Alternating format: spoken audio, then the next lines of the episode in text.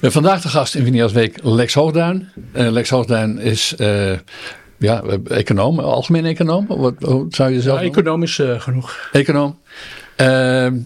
heeft aan de zijde van Wim Duisenberg in Frankfurt gewerkt bij de Europese Centrale Bank. In de directie van de Nederlandse Bank gezeten. Een hoogleraar in Groningen nu. Dat is een korte samenvatting een beetje. Maar ik dacht dat je ook nog bij een bedrijf zat. Klopt dat? Ja, ik, ik heb eigenlijk een portefeuille van activiteiten. Wat misschien nog het uh, noemen waard is, omdat dat een heel groot brok uh, was. Ik heb tot tussen 2012 en 2020 heb ik een aantal rollen vervuld bij de London Stock Exchange groep. In de board daar gezeten en ook voorzitter geweest van de clearinghouses, houses, die ja. onderdeel van die London Stock Exchange groep zijn. Oké. Okay. En, maar dat, is, dat doe je nog steeds? Nee, dat is, dat is afgelopen jaar in 2020. Dus daar heb ik mijn. Uh, daar heb je drie periodes van drie jaar als onafhankelijk uh, directeur. En ik ben tegen het eind van de derde periode ben ik, uh, ben ik vertrokken daar. Het was, het was klaar en afgelopen. Ja, oké. Je bent, en dat is niet helemaal vanzelfsprekend voor iemand met jouw cv, heel actief op sociale media. Wat zeg ik op Twitter, dacht ik. en zo nu en dan ook met publicaties her en daar, waar je de de, de economie en de monetaire economie uh, van commentaar voorziet. Daar komt het toch een beetje op neer. Zo is het, hè? Ja, ja klopt. Gaan we nu ook doen. uh, en van tevoren zeg ik nog even, en dat zal ik straks nog een keer zeggen. Dit wordt natuurlijk als, als video beschikbaar. Winnie als Week TV. Maar zoals al deze opnames ook als podcast. Uh, we, gaan rijp en groen door het landschap. Ik begin met een, een ogenschijnlijk willekeurig uh, thema, te weten de toekomst van de euro. Dat is meteen misschien wel het grootste thema van, van alles wat we hier gaan bespreken, of een van de grootste. Uh, dat was ten tijde van de eurocrisis, hè, die ruwweg geduurd heeft van 2010 tot 2015, tenminste dat heette zo, uh, was dat onomstreden. Dat, nou, althans, menigeen die dacht dat is een eindige zaak, of in ieder geval uh, de, de samenstelling van de eurozone is op zijn minst een, discutabele zaak. Daar hoor je niemand meer over, maar dat lijkt me ten onrechte. Wat zeg jij daarvan?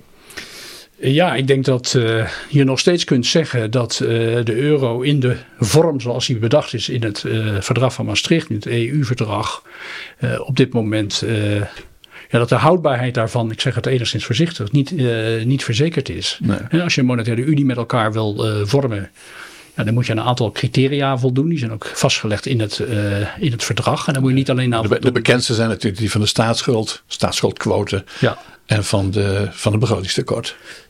Ja, en uh, daarnaast is ook nog uh, niet te veel uiteenlopende concurrentieverhouding is ook nog een hele uh, belangrijke. Ja. En, en een aantal andere. Rente, dit, zijn de twee, dit zijn de twee belangrijkste. En daar, ja, daar moet je niet alleen aan voldoen op het moment dat je toetreedt. maar daar moet je blijvend aan voldoen. Want als je daar niet aan voldoet, dan is, ja, dan is het heel moeilijk om voor één gebied, dat eurogebied, één monetair beleid.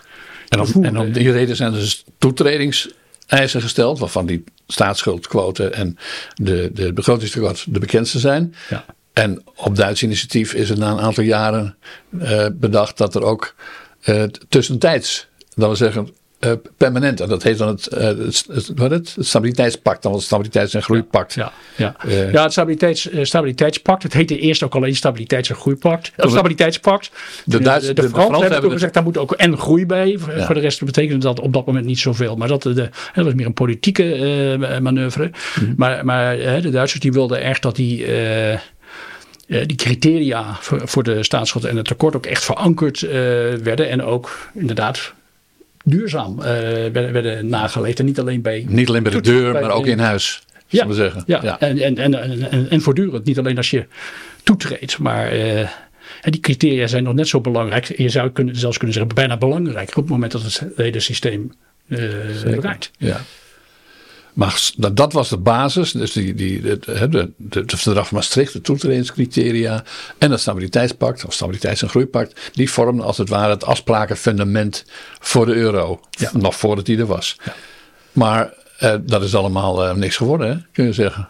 Het, het, ja, bij, bij, de toetreding is, is het bijna bij alle landen al, uh, al, al misgegaan, kun je zeggen. Ja, nou, daar kun je, daar, daar, dat, dat, dat, is zeker een punt wat je kunt maken. Op zijn minst was er toen niet voor alle landen duidelijk dat er aan voldaan was. Laat ik het zo zeggen. Met name Italië en België waren, uh, waren probleem, probleemgevallen. Vanwege een hele hoge staatsschuld. Ja, en daar is toen de Europese Centrale Bank, of eigenlijk de voorloper daarvan, het Europees Monetair Instituut, die moest ook een oordeel geven waarop dan de regeringsleiders konden beslissen of ze het zouden doen. Nou ja, politiek was al besloten te gaan doen, dus dat advies dat had niet echt de doorslaggevende betekenis. Maar toen is er uh, ja, in dat advies is ook heel duidelijk uh, gezegd dat uh, een aantal landen, waaronder Italië en België, ja, die hadden voortgang gebroekt met de convergentie en zouden vooral ook door moeten gaan op dat, op dat pad.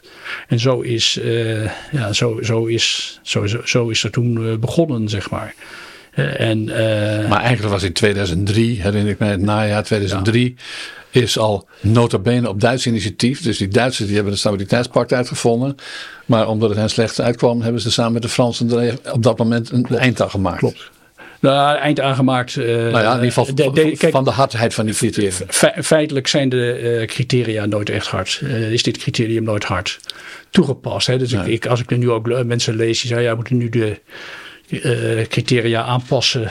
Uh, want we moeten af van die strenge begrotingsdiscipline. Ja, ja dan is het eigenlijk een godspe als je dat. Uh, Omdat het altijd maar papier is geweest. Het is, het is Behalve in eigenlijk alleen papier geweest. En, en na de crisis in 2008 zijn er nog weer allerlei toeters en bellen aan toegevoegd. Die allerlei uitzonderingen weer mogelijk maken.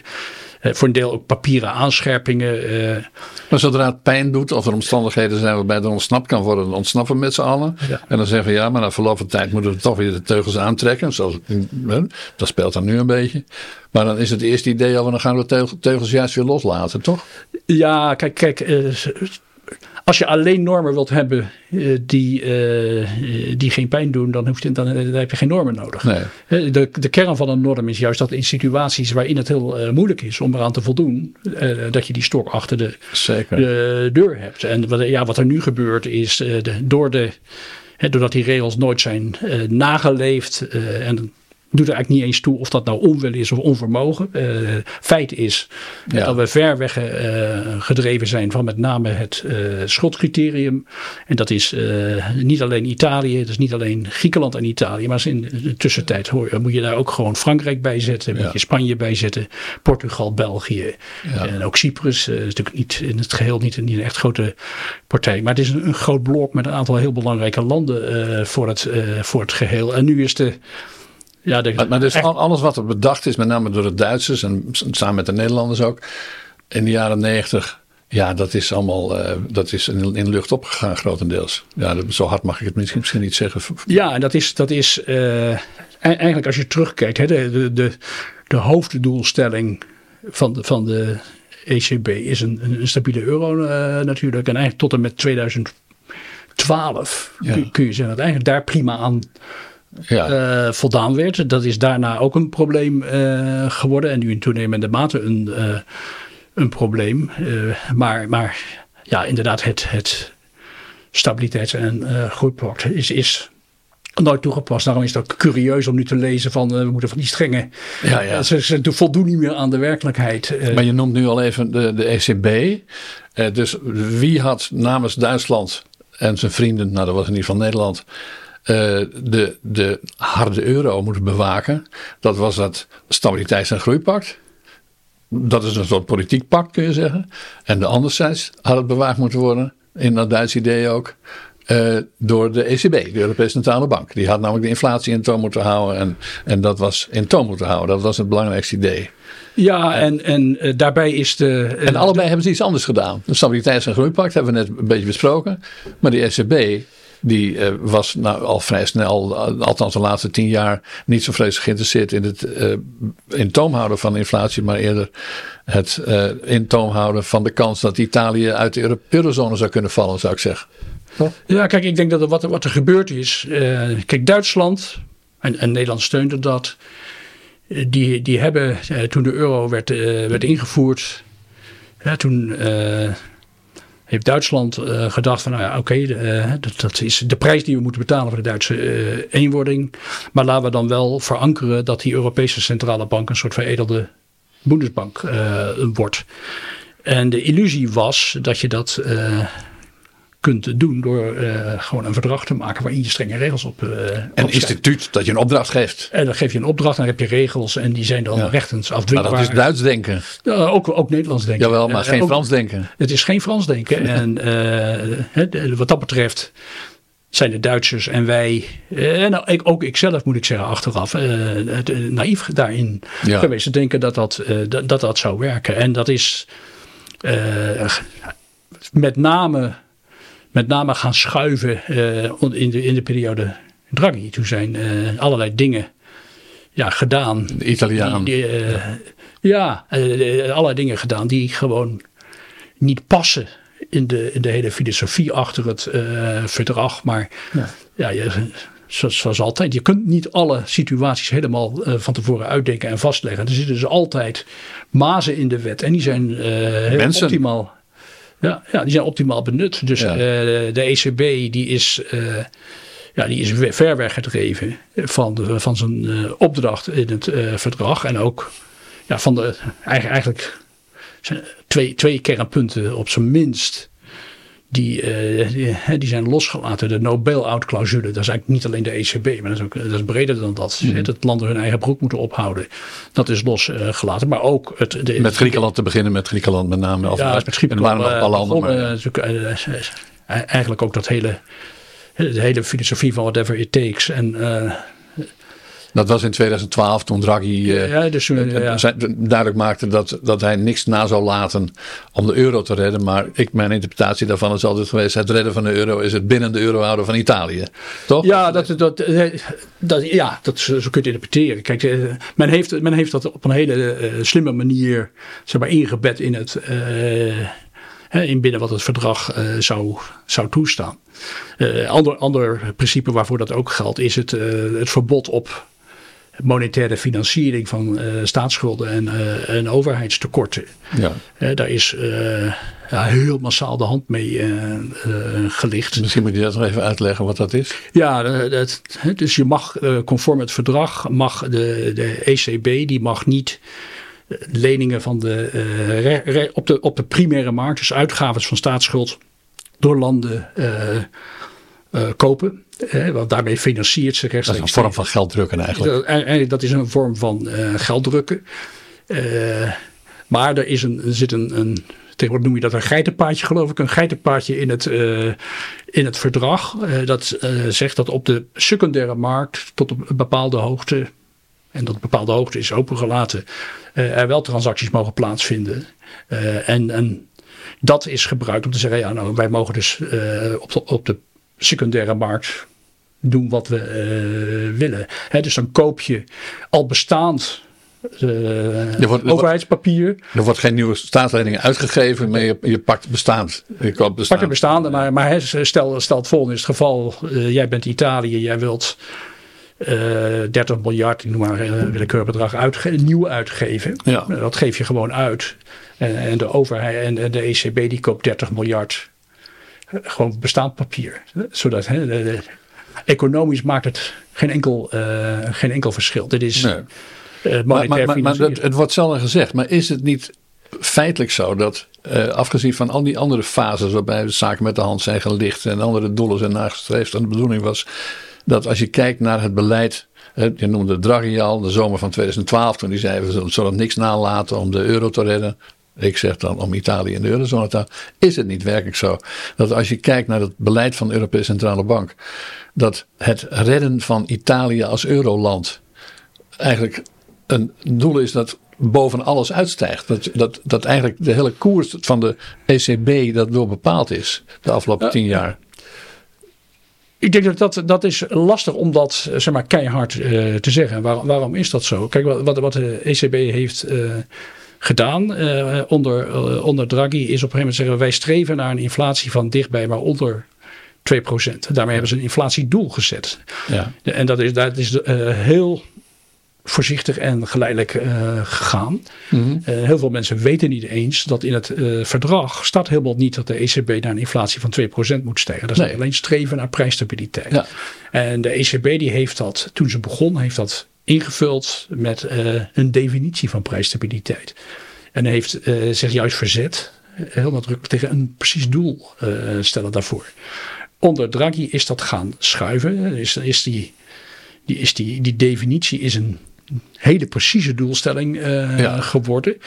en dat gebeurde op een moment. Waardoor, als ik even dus nog mag, het idee dat het Duitse idee, zeker nog, nog Duitser dan Nederlands, het idee dat de inflatie vooral niet hoog mocht worden, ook een, een, deel, een idee werd dat de inflatie best een beetje op niveau diende te zijn. Toch? Ja, dat, dat, toen nog niet zo, want dat nog niet uh, speelde. Want het, het probleem wat de, de, ECB dus toen kon uh, definiëren, zei: kijk, de feitelijke inflatie na de financiële crisis die schommelde tussen, hè, die dreigde richting nul te gaan, maar die, mm heeft, maar die schommelde, die was heel stabiel tussen 1 en 1,5 procent. Ja. En eh, de ECB kon dus nu zeggen met dat precieze doel, dat is dus te laag. Ja, En dus gaan wij uh, beleid voeren om te proberen die inflatie op te krikken. Maar ik bedoel, als je bedoel eigenlijk te zeggen dat, dat eh, in, in historische zin uh, was het van het Duitse idee een waanzinnig idee dat de ECB uh, tot zijn taak rekende om de inflatie te verhogen. het is eh, nooit een Noord.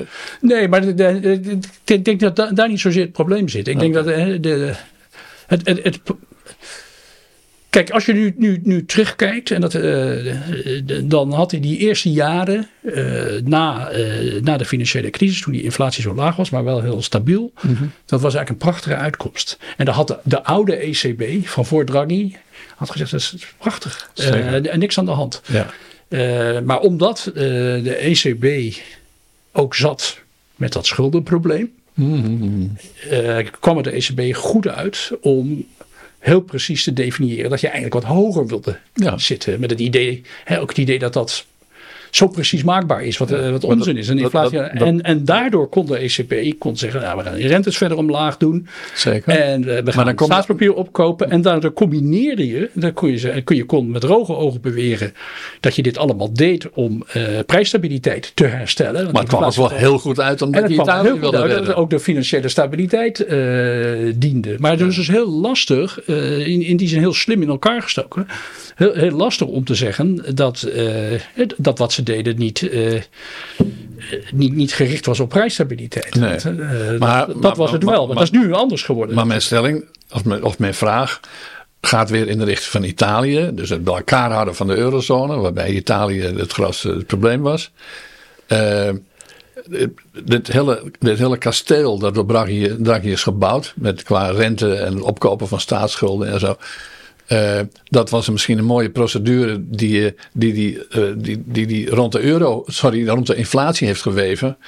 Maar zou het niet zo zijn dat zijn wezenlijke doel was om op die manier de, de Italiaanse rente bijvoorbeeld laag te houden en daardoor Italië te redden voor de eurozone? Of andersom? Ik, eh, ja, maar dat, dat, ik denk dat dat zeker belangrijke mate heeft mee, uh, meegespeeld. Maar in, in zekere zin was de het kritiseren daarvan en zeggen, je, ja, je, je kon niet zeggen van uh, beste Mario, je doet niet wat de ECB moet doen. Want, nee. uh, want hij zei, kijk, ik moet streven naar prijsstabiliteit. Prijsstabiliteit is een inflatie van 1,7, 1,8 of 1,9 procent. Dat, daar komt ja. ongeveer op neer.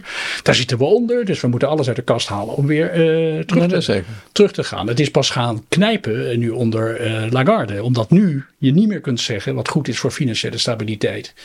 En wat goed is voor prijsstabiliteit. Uh, ligt in elkaars verlengde. Vanwege de hoge inflatie bedoel je? Uh, ja, ja, de hoge inflatie betekent nu dat de ECB de rente moet verhogen. Ja, nee, uh, en, nu, en nu zit het. Nu tien jaar lang hebben ze, hebben ze gestreefd naar een hogere inflatie. Dat lukte niet altijd. Meestal niet. Niet, niet. Helemaal niet. niet Maar toen hij wel kwam, toen ging hij wat al te hard. En toen ging hij heel hard. Maar kijk, de, de kritiek zeg maar, op de ECB, waar je hem echt ook hard kunt maken, zeg maar. Mm. En Draghi heeft, ja, die heeft het geluk gehad hè, dat wat hij, uh, hè, dat als, als voor hem heel belangrijk was Italië te redden en erin te houden. En dat denk ik dat dat, dat zal eh, ongetwijfeld zo zijn. Mm Past er heel mooi in uh, het monetair beleid. Dus dat, ja, ja, is er mooi mee afgeschermd van fundamentele kritiek. Het is anders geworden hè, toen na de coronacrisis de inflatie heel snel begon op te lopen. Ja. en toen is de ECB, die is die is, uh, ja, die, hebben veel, hebben eerst het is allemaal tijdelijk en verdwijnt vanzelf. Ja, ja, ja, ja. Zelfs nog aan het begin van dit jaar uh, hè, zeiden. Uh, tot, tot Oekraïne, zullen we zeggen. ja, en ik, ik herinner mij nog een interview, ik dacht dat het begin van dit jaar was, met, zowel met Lagarde als met Klaas Knot, waarin ze allebei zeiden, ja, ik zeg het een beetje in mijn eigen woorden, maar daar kwam het ook even op neer. Vergeet maar renteverhogingen dit jaar. Ja, ja, ja. En misschien volgend jaar. en dat, dat was de, de stemming aan het begin van het jaar. Zeker. En, uh, dus men heeft veel te, uh, veel te lang uh, gewacht. En kijk, daar spelen denk ik twee dingen. Eén is angst inderdaad voor als je rentes gaat verhogen voor de landen met hoge schuld. Dus dat we nu steeds bespreken. En het andere punt is, ook het verlengde van wat we net bespraken, eigenlijk een enorme frustratie over het feit dat je die inflatie maar niet omhoog kreeg. En toen hebben ze op een gegeven moment gezegd, uh, wat we nu gaan doen is, uh, wij gaan pas denken over renteverhogingen als we heel zeker weten dat die inflatie ja. 2% eh, is op de middellange termijn. En dan mag die ook nog best iets hoger zijn. Voor die tijd doen we niet. Ja, even flauw gezegd, maar ze waren zo gretig op zoek naar inflatie dat toen die eindelijk kwam ze hem niet graag opgaven, zullen we zeggen. Nee, dat hadden ze van, hadden ze van tevoren al besloten dat ze dat niet zouden doen. En, uh, nou, en, en, en zo konden ze dan weer ja, rechtvaardigen dat ze zouden, uh, zouden wachten. Maar ze hebben veel te lang uh, gewacht. Ja, ja. En, en ja, daardoor zit je nu met de gebakken peren. En ze zijn. je bedoelt, ja. als, je, als je nu de, de rente sterk verhoogt, dat heeft een neerwaarts effect op de economische ja, En dat financiële stabiliteitsrisico is natuurlijk heel erg groot. Dus vandaar dat ze ook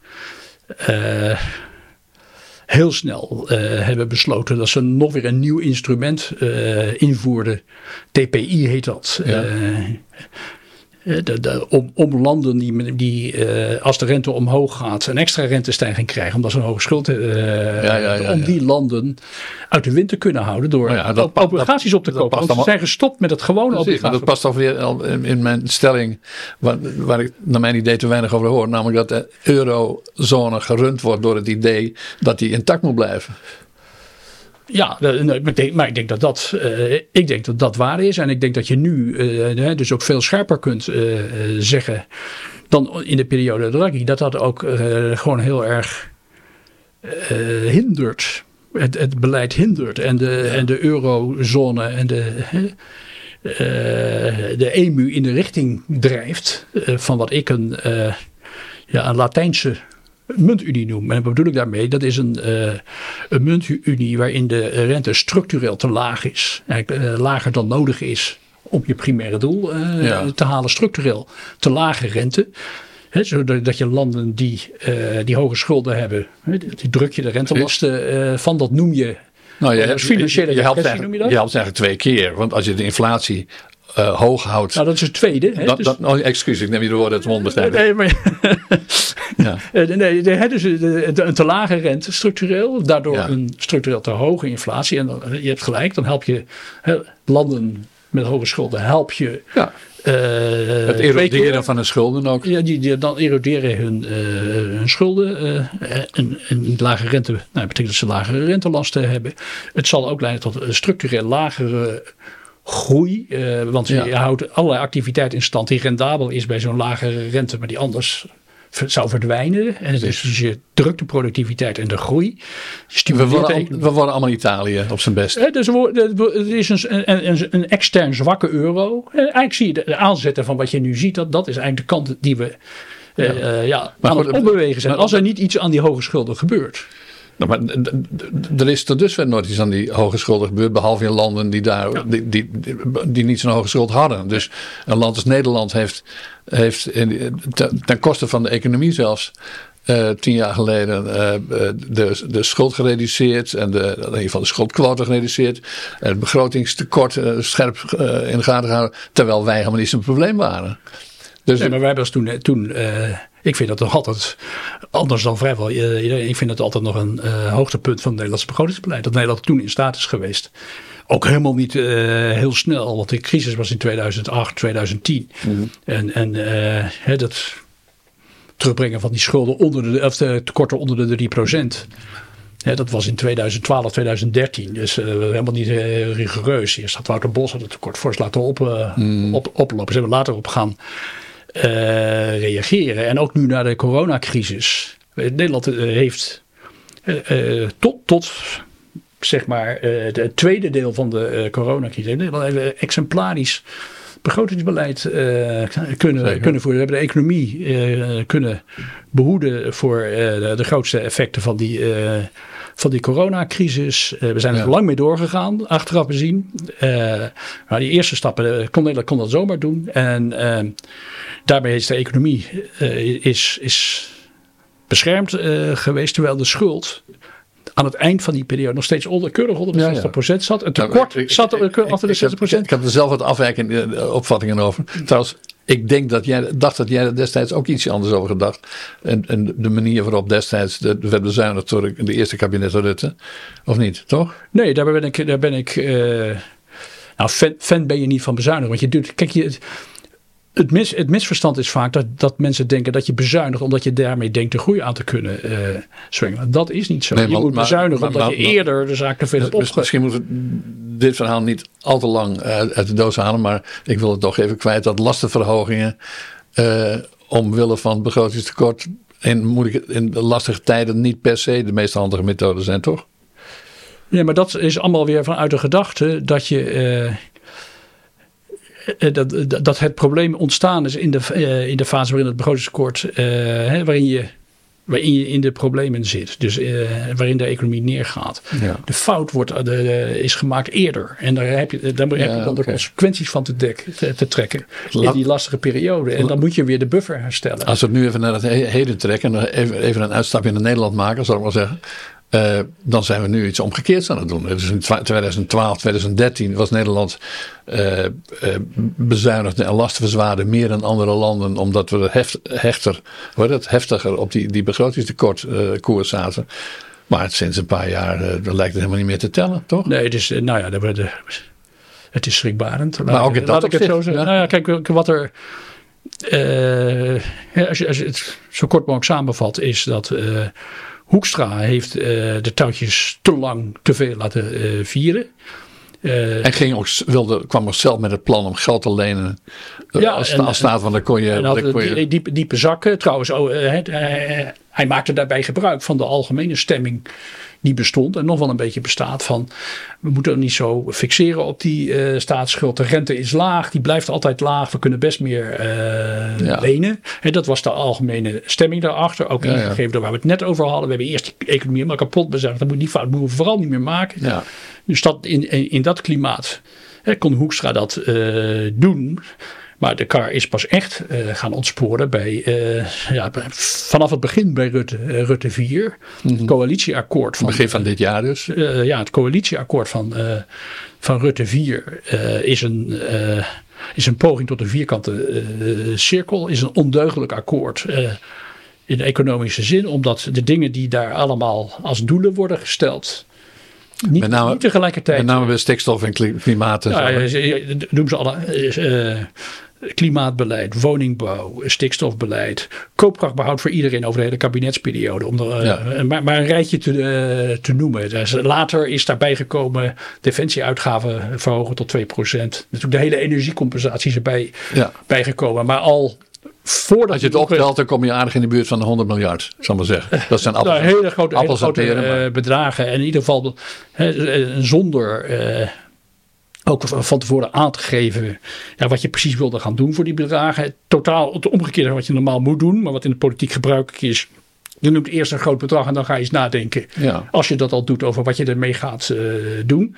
Dus er is allerlei beleid op elkaar gestapeld. Omdat men het uh, onderling niet eens kon worden over waar men, heeft geen keuzes gemaakt. Dus dit dat, was, dat mag iedereen kiezen. Iedereen krijgt zijn eigen uh, dingetjes en het papier is uh, geduldig. En uh, nou, dat was het. Maar dat was voor iedereen die wel eens ietsjes meer, eh, meer zich in de overheidsfinanciën heeft Die was duidelijk één dat de doelmatigheid helemaal mis was. Dat er geen begrotingskader meer uh, was. Maar, maar, en, en, dat, het, dat het allemaal niet met elkaar te combineren is. En dan, gaat het, dan is het dus onhoudbaar. Dan gaat het ook zo niet gebeuren. Vervolgens is uh, de oorlog in Oekraïne eroverheen gekomen. En dat heeft het alleen maar erger gemaakt. Men zou het oplossen bij de voorjaarsnota. dat is niet gebeurd. en daarna zal het gelost worden bij de miljoenennota enzovoort. er kwam alleen maar extra uitgaven. Extra uitgaven. Dat is waar we nu zitten. Dus we maar dat is eigenlijk maar, kader. Maar zo kom ik misschien een beetje op de rode draad van dit gesprek. Is Nederland zelf niet Italië geworden? Waarbij ik meteen een tweede vraag eraan koppel. Namelijk in een eurozone die zo getekend wordt door uh, door, laten we zeggen, Latijns beleid. Je noemde het, uh, hitten erin op. Ja, uh, dan, dan, en je, je wordt dan een keer, misschien komen we erop, nog overstemd, in feite voortdurend overstemd door de niet-noordelijken. Ja, dan is het ook, uh, dan leidt dat misschien ook tot, tot, tot een land als Nederland, dat, en Duitsland ook trouwens. Dat je zegt van ja, waarom zouden we nog gedisciplineerd doen als, we, als, als niemand meer gedisciplineerd is? Dus wij worden Italië, A, omdat het makkelijk is, B, iedereen doet het en het is toch maar vechten tegen de bierkaaien. Ja, e-, e-, eerst, ik, ik, ik denk dat het waar is dat wij in hè, Latijnse, Italiaanse richting uh, aan het bewegen uh, zijn op dit moment. Uh, oh, eigenlijk ook een beetje om dezelfde redenen. De, een, zwakke overheid en bestuur dat zwak is omdat het heel, heel gepolariseerd, gepolariseerd is en dan maar vlucht in... Uh, geen gezeik iedereen rijk. Geen gezeik iedereen uh, rijk. Eigenlijk populistisch beleid. Uh, dat, is, dat is wat je, wat je ziet ziet gebeuren. Dus da daar ben ik het mee, mee eens. En de conclusie dat, nou ja, waar anderen zich niet aan die regels houden, je dan beter maar zelf ook dat niet kunt doen. Ik denk dat dat niet waar is, dat dat een denkfout. Ja, nee, maar, dat, maar, maar de reflex. Die... Ik begrijp de reflex, ik zie hem, zie hem vaak langskomen. En, ja. maar het is, het, het, is niet waar. Want kijk, de, de, de kosten. kijk, ik denk dat je dat, dat wat wij zouden moeten doen, ons dat realiseren. En uh, ons realiseren wat de consequenties zijn van een Latijns, Latijnse EMU, waar we nu naartoe aan het bewegen zijn. En uh, dat dat voor Nederland. Uh, wij, lossen er niet ons schuldenprobleem mee op. Dat lossen de andere landen wel, want, of die onderdrukt het in ieder geval. Maar wij krijgen wel die hogere inflatie ervoor, we krijgen die, die lagere rente ervoor. Wij krijgen een, een, een weinig dynamische Europa ervoor uh, en dus voor terug. minder dynamisch Nederland. En, en dus een minder dynamisch Nederland. En, uh, dus lage, zijn, lage groei. Ik moet nog wel eens terugdenken aan Frits Bolkestein. Uh, die, die toen de euro tot stand kwam, voortdurend riep dat gaat ons, ons pensioen kosten. Zeker. Uh, Hij werd uitgelachen. Hij begin, uh, nou ja, ik, voel, ik nam dat ook met, met een redelijk korreltje zout. Omdat ik, ik eerder zei, ik, was, ik, ik, ik geloofde in regels. dus dat is achteraf echt naïef. Dat fout maak ik niet meer.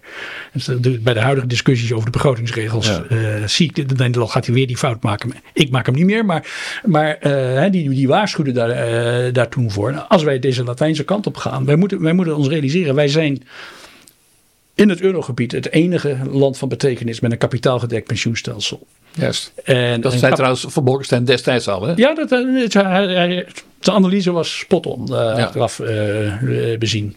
Ja, je, we hebben erover gesproken, wij hebben gespaard. Uh, en zij gaan, er, zij gaan er mee weglopen, zoiets. Nou ja, kijk, dat is, de, de, mechanismes lopen iets ingewikkelder. Maar, maar het feit, als wij een hogere inflatie krijgen en een lage rente, is het Nederlandse pensioenstelsel is niet houdbaar. Is gewoon niet houdbaar. En dan is de hele discussie nu over of je naar het een of het andere stelsel gaat. Is, is een discussie een cijfer achter de komma. Als, als er niet prijsstabiliteit hersteld wordt en als we in de richting uitgaan. Die, uh, die, die, die schets, dan, dan, is, dan is het Nederlandse pensioenstelsel is, uh, zit in zeer zwaar weer. Welke kant je ook op gaat nu met de. Stelsel dan ook? Ja, ja, ja. En dat is in feite een veel groter probleem, zoals je al aangaf overigens, uh, dan, dan de, de, inrichting van het stelsel waar nu het debat over gaat. Ja, er is, er is, is als structureel die rentes uh, op hele lage niveaus zitten en ook nog eens inflatie overheen komt, ja, dan gaat het heel, uh, heel hard. Ja. Uh, je, je, noemde nu Frits Bokkerstein. Frits Bokkerstein heeft nog een paar dingen gezegd in die periode. Die, is, die heeft zijn rechterhand Gerrit Salm, want zo zie ik hem toch een beetje, ja. ook nog Europa ingestuurd om te zeggen dat de Italianen die moesten, mochten niet inkomen. Het Bolkestein is nou zelf op pad gegaan tot aan dat Theo Weigel, de minister van Financiën in Duitsland, uh, om te zeggen van uh, wees streng, hou de Italianen erbuiten. en we zitten nu al een tijdje te praten over die muntunie, die Italiaanse Unie. Ik, ik vat het maar even compacter samen. Ja, Frans-Italiaans. Frans-Italiaans, nou ja. De, de, de, waarbij, ik ben geneigd te zeggen, de Italianen de, de ultieme versie van de Fransen uitmaken. Of de erge versie van de Fransen uitmaken. Je kunt ook zeggen, die Duitse, die, die eurozone, die EMU, die euro, die is begonnen op een Frans initiatief om de Duitse, Duitse, om de Duitse munt zich toe te eigenen, ruwweg gesproken. Ja.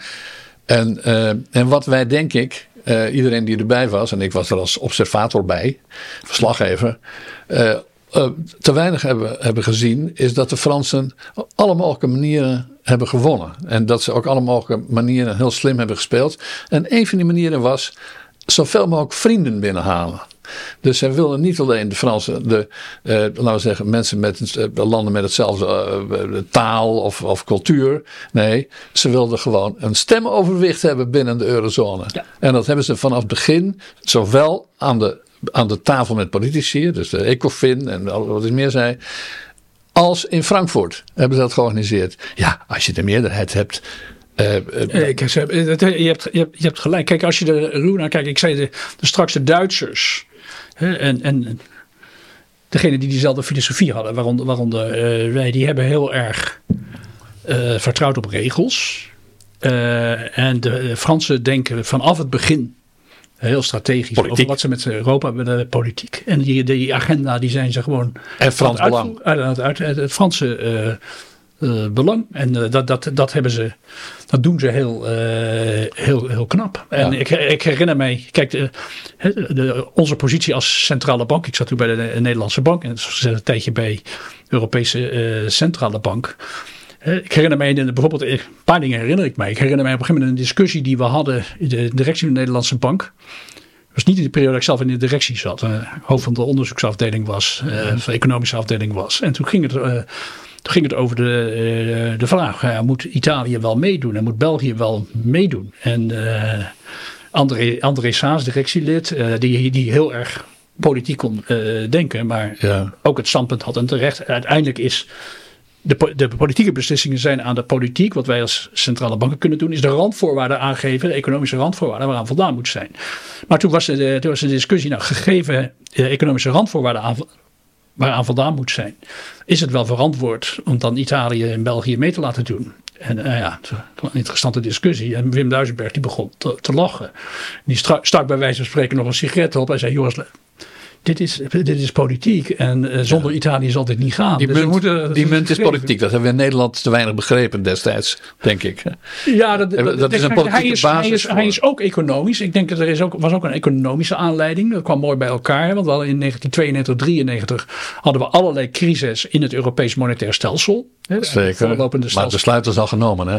Kijk, nee, toen, in, toen nog niet, denk ik. In Maastricht was het besluit genomen.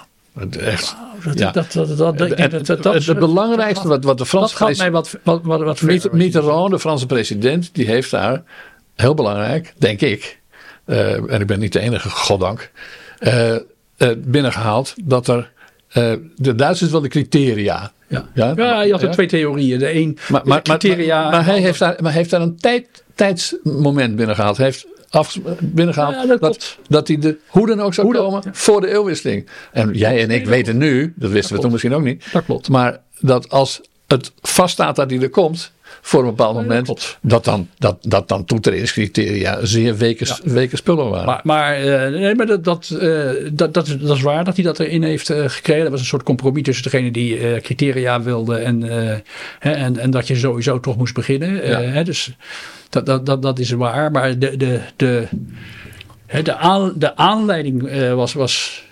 De hoofdreden was denk ik politiek. Maar er was wel denk ik ook een economische reden om naar een uh, monetaire unie te willen. Mm -hmm. uh, naar alle problemen in het uh, Europees monetair stelsel. En dat kwam mooi bij elkaar. Ja. En ik herinner mij dat. Nou, daardoor werd het ook draaglijk voor de Duitsers en de Nederlanders. Omdat economisch worden nou ja, en, en, en, en wij zagen toen, dat ik net al zei, we zagen toen de, de rol van de, de technocraten, de centrale banken eh, en de adviseurs op, financiën om, om aan te geven binnen, wel, hè, binnen welk economisch speelveld je dan dit verstandig kon, eh, kon doen. Maar wij daarnaar kijkend, uh, en dus zeker ook in Duitsland was dat het geval, was er eigenlijk heel weinig uh, in, in de centrale bankwereld. was eigenlijk niemand die, uh, die het geloofde.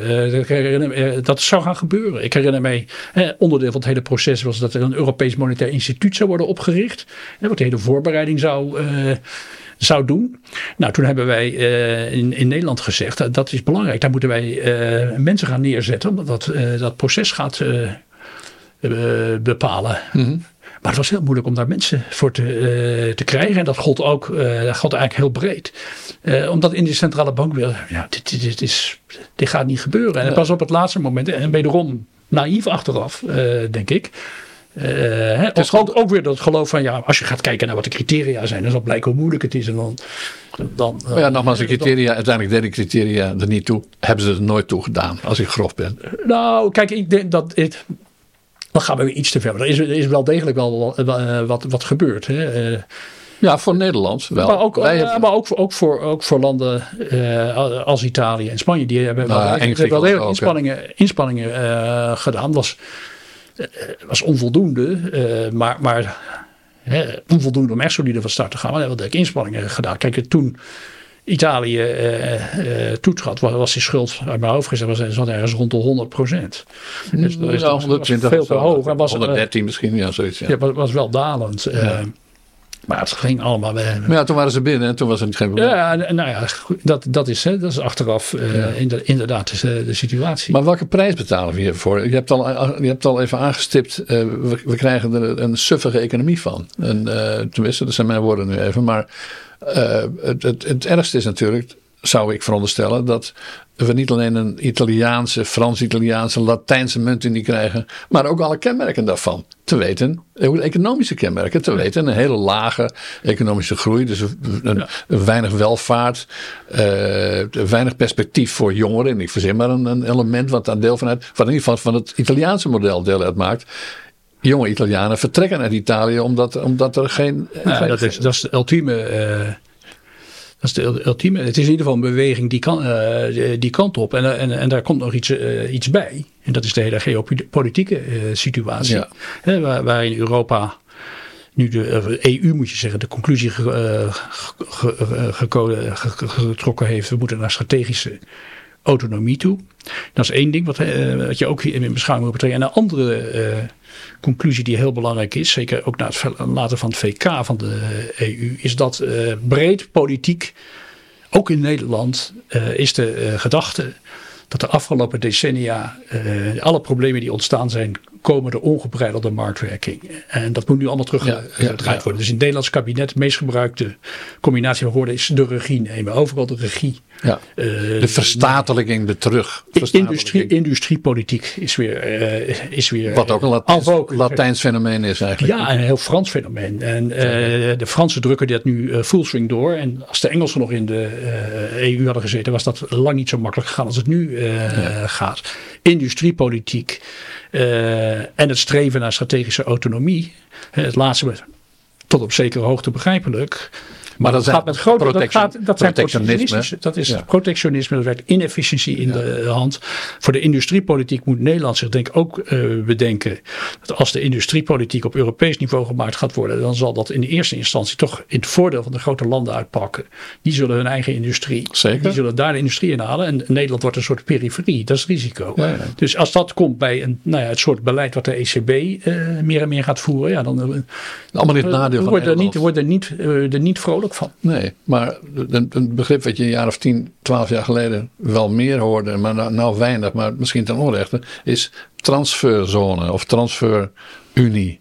Uh, ik dacht dat ik van jou ergens een uitspraak zag dat Nederland nu al 10 miljard. Nee, we hebben, ik heb met, met mijn collega Christian van der Kwaak uit uh, Groningen. Mm -hmm. Hebben wij. Uh, ja, een, een, een, soort verkenning gedaan. Hè. Er is veel meer over uh, te zeggen en je kunt veel principe maken. Wat, wat er zou gebeuren als we uh, naar een begrotingsunie zouden, uh, zouden gaan. Omdat wij, wij constateren dat, ja, dat we in een soort schemerzone zitten. Dat er gelijk steeds meer dat je die kant op gaat zonder dat er expliciet een beslissing over wordt ja. genomen. En het is een van de manieren om het schuldenprobleem weg te masseren. Ja, van, maar er wordt, er, wordt, er wordt dus te weinig. Namelijk van landen met weinig schuld naar landen met Ja, dus wat, wat wij hebben gedaan, daar zou in Nederland zou, zouden we hier echt over moeten spreken. En, want dit gaat niet over peanuts. En wat we hebben gedaan is dat dat uh, ja, plausibel te maken. Hè, want we hebben niet de pretentie dat wij precies kunnen schatten wat dit kost. Maar we hebben gezegd, nou, laten we nou gewoon eens kijken naar de Verenigde Staten. Uh, hè, dat is een, een, begrotingsunie. En we hebben gekeken wat zijn nou de transfers die in dat systeem optreden? En we hebben gezegd. Van uh, rijkere staten naar de en, uh, staten. Dus gezien of dat inderdaad is van rijkere naar uh, armen, of dat een andere criteria gaat van rijken naar armeren. Dat, laten, we, laten, we, laten we zien. En we laten zien dat dat gemiddeld gaat. En dan ronden we naar beneden af. We willen gewoon duidelijk maken dat het echt om. Grote bedragen kan gaan. Gemiddeld gaat dat om 2,5% van je BBP per jaar. Uh, en dat is dan in een model waarbij je uh, de schulden nog niet bundelt met elkaar. Dus, we, dus 2,5% per jaar, dat is in prijzen van uh, vorig jaar, is ruim 20 miljard euro ja, per jaar die we Ons BBP, dus onze economie, is op dit moment ongeveer 1000 miljard ja, in die orde. Ja, dus als je daar 2,5 van hebt, dan kom je in die range uit. Dan kom je ietsje, 25, 25 miljard dat, dat, uh, dat is één. Van zeggen we maar misschien moeten we daar nog iets duidelijker over zijn. Dat is dus geld dat ieder jaar van Nederland naar Zuid-Europa zou gaan. Dat, hè, dus in, in, als wij zeggen, nou, het Amerikaanse model is een soort benchmark. Er zijn allerlei redenen om te zeggen, eh, het zou hier zelfs wel meer kunnen uh, zijn. Ja. Misschien zijn er ook een paar om minder. Maar mijn eigen gevoel is dat dit echt een conservatieve uh, schatting is. Zeker als je het pensioen meerekent. nou ja, ja dus, dus, en het is niet, niet op basis van de. Uh, nee, nee, precies. Dus dit is de, de, de, de het Amerikaanse, gewoon Amerikaanse uh, voorbeeld uh, nemen. en dan rekenen we nog apart uit. Dan ga ik direct nog even op die, die 2,5% wat verder in hoe we dat verder dan onderbouwen. Mm -hmm. als je alle schulden zou bundelen. Dan krijgt Nederland ruwweg gezegd ergens, afhankelijk van hoe je het uh, precies verdeelt, rond de 300 miljard euro extra schuld op zijn dak. Ja. Uh, en daar betaal je dus. Dan gaan we namelijk middelen. Dat is eigenlijk het idee. Hè? Uh, ja, hè, dus eigenlijk, eigenlijk, betalen wij mee aan de schuld van anderen. En betalen ja, ja. ook rente over. Wij hebben een verondersteld rentepercentage op langere termijn van drie en een kwart kun je ook eindeloos over discussiëren of dat te hoog of te laag is. Ja. Maar om een orde van grootte te geven, nou drie en een, kwart procent van 300 miljard, dan zit je ook alweer bij dat 10 miljard die je nog bij die 21 miljard ja. kan, uh, kan optellen. Ja, en nog wat verder over die uh, 2,5 uh, procent. Ja. Uh, dat is dus een jaarlijkse overdracht die je doet. We hebben gezegd, laten we nou eens aannemen dat het vormen van die begrotingsunie nog 10 jaar duurt. Dat die dan van start gaat. Uh, en hoe uh, aannemelijk is het dan dat, die, uh, dat op een gegeven moment door die overdrachten er convergentie is? Dus dan nemen we een basisscenario dat dat in 40 jaar gebeurt. Uh, maar we laten zien uh, dat in de, in de Verenigde Staten die, van die convergentie eigenlijk niks zichtbaar is. Dat, blijft gewoon zoals het is. Uh, we kijken naar Oost- en West-Duitsland. Daar is de kloof wel voor een deel overbrugd, maar eigenlijk maar voor een heel beperkt deel. Ja. En zelfs in België is dat. België, Noord- en Zuid-Italië. Mm -hmm. Dus ook daar zijn we niet, zijn we niet, rekenen we niet toe nadat het duur is. Maar het is in alle, in alle varianten is het dus als je 2,5% per jaar hebt, uh, ja, dat kan tot in de lengte van jaren doorgaan. Als je dat afkapt op 40 jaar, dan zit je toch met kosten tussen de uh, 600 miljard en uh, 1000 miljard ruwweg. Je komt een beetje, beetje, beetje af. En nogmaals, het gaat ons niet om het precieze getal. Uh, maar het is wel heel waarschijnlijk en heel plausibel, laat ik het zo zeggen, dat ja. het echt een substantiële factor is die je niet buiten beschouwing kan laten als je nadenkt over waar moet het maar, onder, maar onder, ondertussen wordt daar de laatste die daar. Uh, nou ja, overdrijft een tikje, maar uh, Bolkestein die had het er dus over in 1998 daaromtrent. En fundamenteel hebben we dan sindsdien nooit meer over gehad. Ja, dus het woord transferunie is wel eens gevallen. Uh, maar daar, dat is, laten we zeggen, in de, op kabinetsniveau heb ik daar nooit discussies over gezien. Nee. Tenzij het, bij scenario's die we nooit hebben waargenomen. Maar alles wat we nu hier bespreken, te weten, de, vorming van een Frans-Italiaanse, Latijnse uh, uh, EMU, eurozone, muntunie. Uh, binnen trouwens een Europese Unie die ook allerlei overdrachten al met zich meebrengt. ja, er zitten al overdrachten. Hè. Er, er zit al overdrachten. Dit zijn dus extra extra overdrachten die daar bovenop, bovenop komen. Als gevolg van het vormen van een, van een begrotingsunie. Ja. Um, ja, nee, het, het, is hoog tijd dat we, dat we echt bewuster. En we staan toch op een soort. Uh, klinkt misschien een beetje afgesleten, maar ik voel wel dat we op een soort kruispunt, mm-hmm. kruispunt staan. En, en als we niet uitkijken, dan schuiven we dus die, deze richting op zonder dat echt besproken te hebben met elkaar. Ja, zonder slaapwandelen, we slaapwandelen als het ware. Ja, ja. Want er is helemaal geen debat hè? Er is geen, geen, uh, geen echt debat over. En uh, de, wat, wat wij hier in kaart brengen zijn wat wij noemen de directe financiële kosten van zo'n begrotingsunie. Maar er, is natuurlijk, er zijn ook niet-financiële kosten, waarvan de belangrijkste wellicht is het overdragen van soevereiniteit. Want dat gaat samen met het overhevelen van een groot deel van je begroting uh, die, die op Europees niveau moet uh, plaatsvinden. Ja. Uh, en daar staat dan tegenover dat het, het ja, de grootste op papier de grootste risico's van zo'n van financiële instabiliteit wegneemt. Ja. Maar ook in zo'n begrotingsunie denk ik dat de, de richting uh, dat het niet zal uitmaken voor de tendens toch meer in de richting van de Latijnse manier van besturen. Want je kan misschien de eerste minister van Financiën, bij wijze van spreken, die er wordt benoemd in die. Ja. dat is, dat is Jeroen Dijsselbloem, maar de tweede is Janus Varoufakis. Ja, en, en, dan is het over. Net zoals, net zoals Wim Duisenberg wel een paar jaar president van de Europese Centrale Bank mocht zijn met steun van Duitsland. Maar daarna werd het alleen maar Frans en Italianen. Ja, dus dat is een. Uh, dus, en, en, we moeten ons dus. En, en, natuurlijk de. De, de overwegingen van uh, geopolitiek, die moet natuurlijk ook mee, uh, mee, meenemen hierin. Dus het is een bredere afweging dan alleen die kosten die wij uitrekenen. Maar wat wij zeggen is, die kosten die mag je niet buiten beschouwing laten. Maar zijn, maar zijn ik zal niet zeggen de Britten, maar zijn dan niet de Denen en de Zweden veel beter af? Want die zitten wel in de Europese Unie. Dat wil zeggen, niet de Denen die zijn alle opzichten. Maar die zijn zo slim geweest, zeg ik dan maar even, om buiten de euro te blijven. Ja, kijk, als je, uh, als je die kosten prohibitief vindt, dan, hè, dan, dan, dan zou je. Dan moet je in ieder geval als variant en als optie ook denken aan uit de euro kunnen treden. En binnen de EU eh, blijven. Waarom is dat dan? Hè, dat is dan niet, dat, dat, is vaak het misverstand. Het is dan niet om ineens een heel ander monetair beleid te gaan voeren.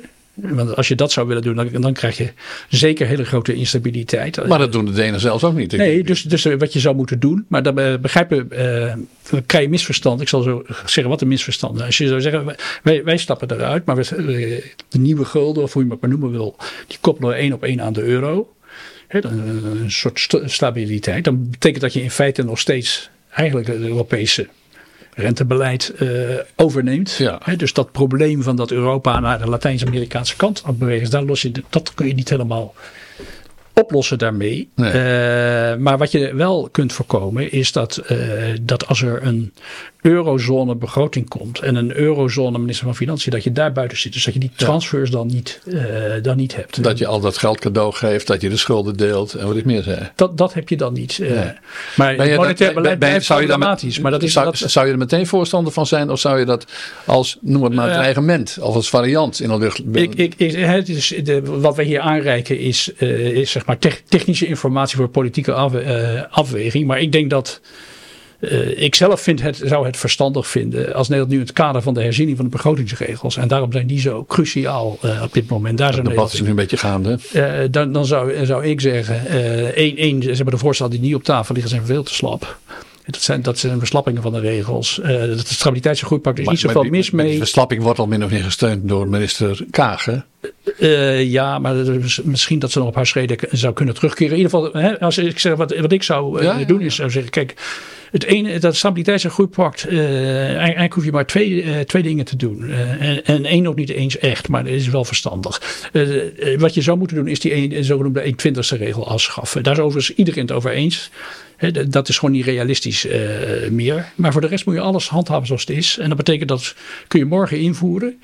Er kunnen, wordt er van landen geëist dat ze met een programma komen van vier jaar. Om hun structurele tekort terug te brengen naar een half procent. En kijk, als je daarin slaagt om structurele tekort op een half procent te houden, dan is, de, dan is de, de schuld zit, zit automatisch op een dalend pad. Dus je, je, moet juist niet die focus op de schuld. maar denk je zelf dat dit een realistisch dat, misschien ben ik te, te, te murf door de ervaring van de laatste 25 jaar op dit punt, maar uh, laat, ik, het anders zeggen, of laat ik die vraag anders formuleren. Als het, uh, er was tien jaar geleden misschien veel voor te zeggen geweest, te zeggen wie niet mee kan, uh, die moet er maar uit, of tijdelijk uit, of wat dan ook. Hè? Een scenario dat rond Griekenland en wel degelijk gespeeld heeft, en misschien zelfs rond Italië. Uh, maar nu zou ik moeten zeggen: van ja, we weten nu welke richting het met de tent opgaat. Steeds maar weer. Uh, dan, moet je, dan zou je dus juist uh, moeten kiezen voor wat we net bespraken, namelijk dat, je, dat een land als Nederland eruit stapt. Dus niet uit de Europese Unie, maar wel uit de Monetaire Unie. Ja, maar, ik was, mijn, mijn verhaal was nog niet heel. Oh, excuus. nee, nee, dat geeft niet. Ja. Maar dus, dat, dat, dat zou mijn herziening van het stabiliteits- en groeipact uh, zijn. Dus dat kun, je, dat kun je morgen invoeren. En dan die programma's voor, voor vier jaar uh, terug naar een half procent. Dat is gewoon onderdeel van het huidige pact. Ja. we doen het alleen niet, maar dat is gewoon onderdeel van het huidige, uh, huidige pact. Nou kun je zeggen, dat, dat zei je eigenlijk op een iets andere manier dan ik het nu formuleer. Maar je zei het eigenlijk. ja, dat kunnen we wel, nu wel gaan doen. Maar de ervaring leert. papier is geduldig. er is, nou, mijn mening niet zoveel mis met dat pak. Er was nooit zoveel mis met het pak en het is niet uitgevoerd. Waarom denk je dat het nu wel uh, lukt? En, dan zou ik zeggen, we, moeten een echte stok achter de deur uh, creëren en een verzekeringsoptie. Dat als landen dit niet kunnen of niet willen, het maakt me niet uit wat het is, dan moet een, een, land, lees Nederland, kunnen zeggen, ja maar dan, dan willen wij de euro verlaten. Een opt-out. Dan, dan, dan, dan, mag een land eh, ook zijn, dan wordt er verder geen, geen rotzooi over gemaakt. Dan mag een land mag ervoor kiezen uh, om dan uh, wel lid te blijven van de EU. maar maar niet meer van de eurozone deel uit te maken. En ik vind dat sowieso voor allerlei arrangementen binnen de EU Migratie. verder, verder flexibiliseren. Zou kunnen zijn. Zou denk, zou denk ik een heel interessant model kunnen zijn om, om te zetten tegenover dat model waar we naartoe aan het bewegen. Uh, dat is natuurlijk voor, voor allerlei uh, uh, mensen in Den Haag is het een, een, drama dat we niet aan alles meedoen in de Europese Unie. Maar het zou wel eens heel goed kunnen zijn voor Nederland als we als we een, een, een, een keuzepakket, een menulijst hadden hebben van wat in ons, is ons voordeel uh, waar gaan we niet nog verder ja. soevereiniteit weggeven? Kijk, ik, ik, ik uh, zou zeggen, de, ker de kern van het geheel is de, uh, de interne markt. Maar je ziet, nou ja, met die tendensen naar protectionisme en dergelijke, zie je dat daar ook al, daar, daar gaan ook barsten in. de aantrekkingskracht neemt daardoor af, zou je kunnen zeggen. Ja, die wordt minder. nou ja, kijk, op, op papier ben je dan, hè, doordat je van de buitenwereld bent afgeschermd denk je dat je beter uh, beschermd uh, bent. Maar eigenlijk betaal je dan een hele hoge prijs voor uh, vrije handel binnen, binnen, binnen Europa. Binnen een besloten, binnen een besloten club. Binnen een besloten club. En, ja. en, dat, en dus, dus, de, dus die voordelen. Ik denk dat die nog steeds, nog steeds verstandig is om dat te doen. Maar het punt is dat je, je, je zou daar nou, een model waar meer flexibiliteit is, heb je ook. Heb je, heb je daar ook keuze in waar, waar, ja. waar je niet. Uh, maar, maar ook daarin zien we het, de, juist een richting die dat helemaal niet gaat. Hè? Nee, dat weet ik. De richting is juist meer centralisatie, meer conformiteit. En, ja. en, nee, het, gaat, het, gaat, het, het beweegt heel erg de andere, uh, andere kant op. Uh, en en de, de, daarom is het. Het, het, het, nare, zeg maar, voor, voor, voor de Nederlandse discussie is één, is dat er weinig discussie is. En dat die wordt uh, bemoeilijkt, zou ik bijna zeggen, doordat er uh, niet heel duidelijk wordt gesproken over een alternatief dat in ligt, zal ik zo maar zeggen, tussen de tendens die, die, die we nu zien mm -hmm. en er heel, helemaal uitstappen. Nou ja, sterker nog, het regeerakkoord heeft uh, daarin. Kijk, de vorige kabinetten die wilden in ieder geval op papier nog wel eens enige euroskepsis uitstralen of uh, uh, het scherp aan de wind varen. Maar in het regeerakkoord, dat coalitieakkoord heet, daar staat in feite in van we volgen alles, uh, alles wat meer in Europa is. Er is, er is in september is er een brief over de euro verschenen van het kabinet. en daar, daarin trekken ze eigenlijk de, de lijn van Rutte 3 door in die zin dat ze zeggen: nee, wij, wij, wij, wij aan de ene kant hapen ze dus heel erg belang van begrotingsregels en dat landen hun eigen broek moeten ophouden. En elke marktwerking moet, moet een grotere rol spelen. Maar zeggen ze dan, uh, ja, als er een, zich een crisis voordoet, en dat kan, want schulden blijven, blijven nog lang uh, hoog dan, uh, ja, dan zijn wij wel bereid om als aan de juiste voorwaarden is voldaan, daar iets in mee te doen. Nou, dan weet je, dan weet je dus hoe het gaat. Ja, maar je hebt denk ik ook de ruimere context gezien. Dus er is een buiten de economische en monetaire sfeer. Uh, en dat is, wij volgen blind de, de, de, de, de, de, de compromissen van Frankrijk en Duitsland. Dat is eigenlijk de toonzetting. We willen, koploper heet het geloof ik niet, maar... Nou ja, ik vind, eh, ja, nee, je, je, hebt gelijk. En ik vind dus in die hele begrotingsregelsdiscussies, die nogmaals niet genoeg aandacht kunt, eh, kan krijgen uh, nu. Want dat gaat de komende maanden gaat dat, uh, mm gaat dat gebeuren. En daar zit dit hele, deze hele horen, daar, horen daarachter ja, ja. achter te zitten. En mensen die het daar niet mee eens zijn, die moeten uitleggen waarom ik dit hier verkeerd schets. Of te pessimistisch ben of wat dan ook. Uh, maar dat zou, moeten, uh, dat zou moeten gebeuren. En uh, ja, ik vind dat verontrustend dat dan onze minister van Financiën, dus ons kabinet, niet nu in de Duitsers steunt, die, die moeite hebben met wat er nu op tafel wordt gelegd. Ja, maar non-paper schrijven met de Spanjaarden. En ja. dat is, ja, ik begrijp als je, niet, als je niet, niet als je, dat, waar, waar we daarmee kunnen winnen. Nee, maar dat, wat het wel schetst is dat we een, een, totale tonure maken als het gaat over in ieder geval de Nederlandse positie rond de euro. Toch? Nou, ik denk, ik denk dat, dat het uh, een verandering van toon is. Dat het een doortrekken van de lijn is die we al hadden. Uh, en nu oh, die al eerder begonnen is, bedoel je? Ja, ja, ja. ja, uh, Oké. Dus, dus nou, dit zijn ernstige waarschuwingen, Lex. Ik, uh, we hebben er nog wel over, denk ik. Uh, sterker nog, dat zou heel aantrekkelijk zijn en heel nuttig en heel wenselijk. Dus dank je voor deze waarschuwing. Nee, graag gedaan. Uh, we spraken met Lex Hoogduin. En u kunt, zoals eerder gezegd, uiteraard onze video's ook volgen als podcast. Winnie als Week podcast. Ik dank u wel.